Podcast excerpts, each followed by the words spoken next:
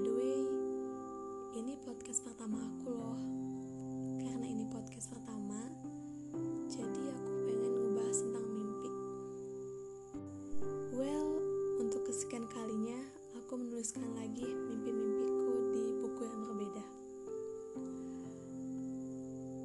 Terkadang bosen sih untuk membacanya, karena kurang lebih isinya tuh sama aja.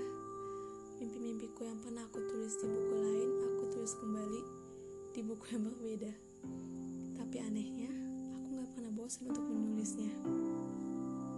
Oke, okay, aku harus menerima fakta bahwa sekarang aku adalah seorang mahasiswi di salah satu universitas yang ada di Depok, jurusan psikologi.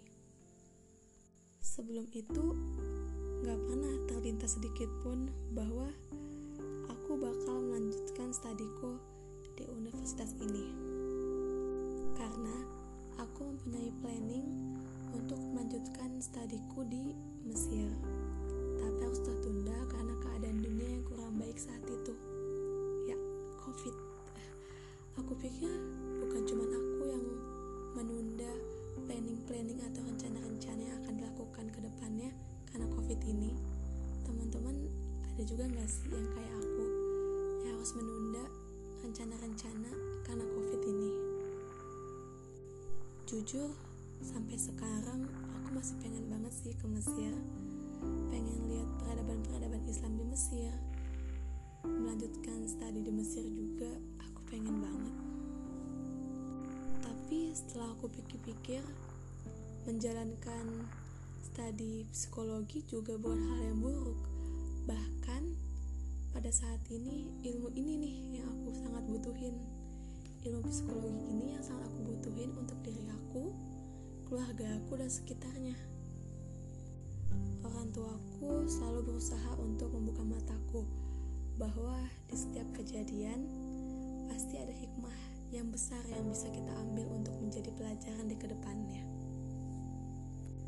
Seharusnya aku sadar sejak awal agar tidak kecewa.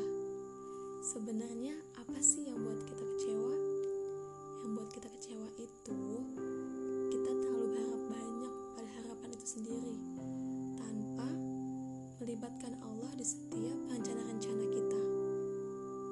Sedangkan Allah itu adalah sutradara terbaik di alam semesta ini.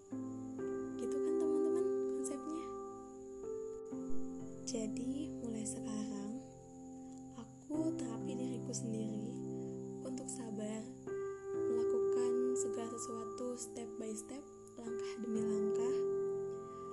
sadar aku cuma punya dua tangan, dua kaki, satu otak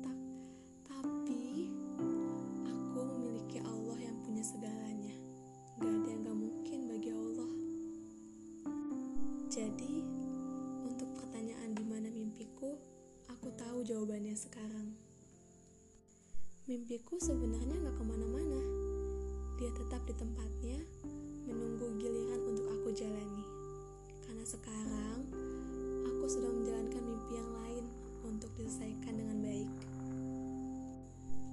Adalah pemeran utama dalam kehidupanku.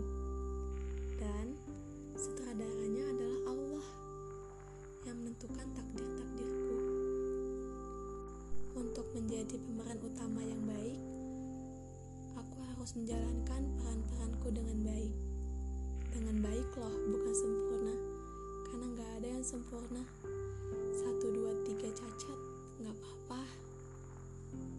Jadi, buat kalian yang memiliki problem yang mirip atau sama mungkin kayak aku, tetap semangat melihat positif ke depannya, percaya pada takdir itu baik. And enough for today. See you my next podcast and see you next time. Bye.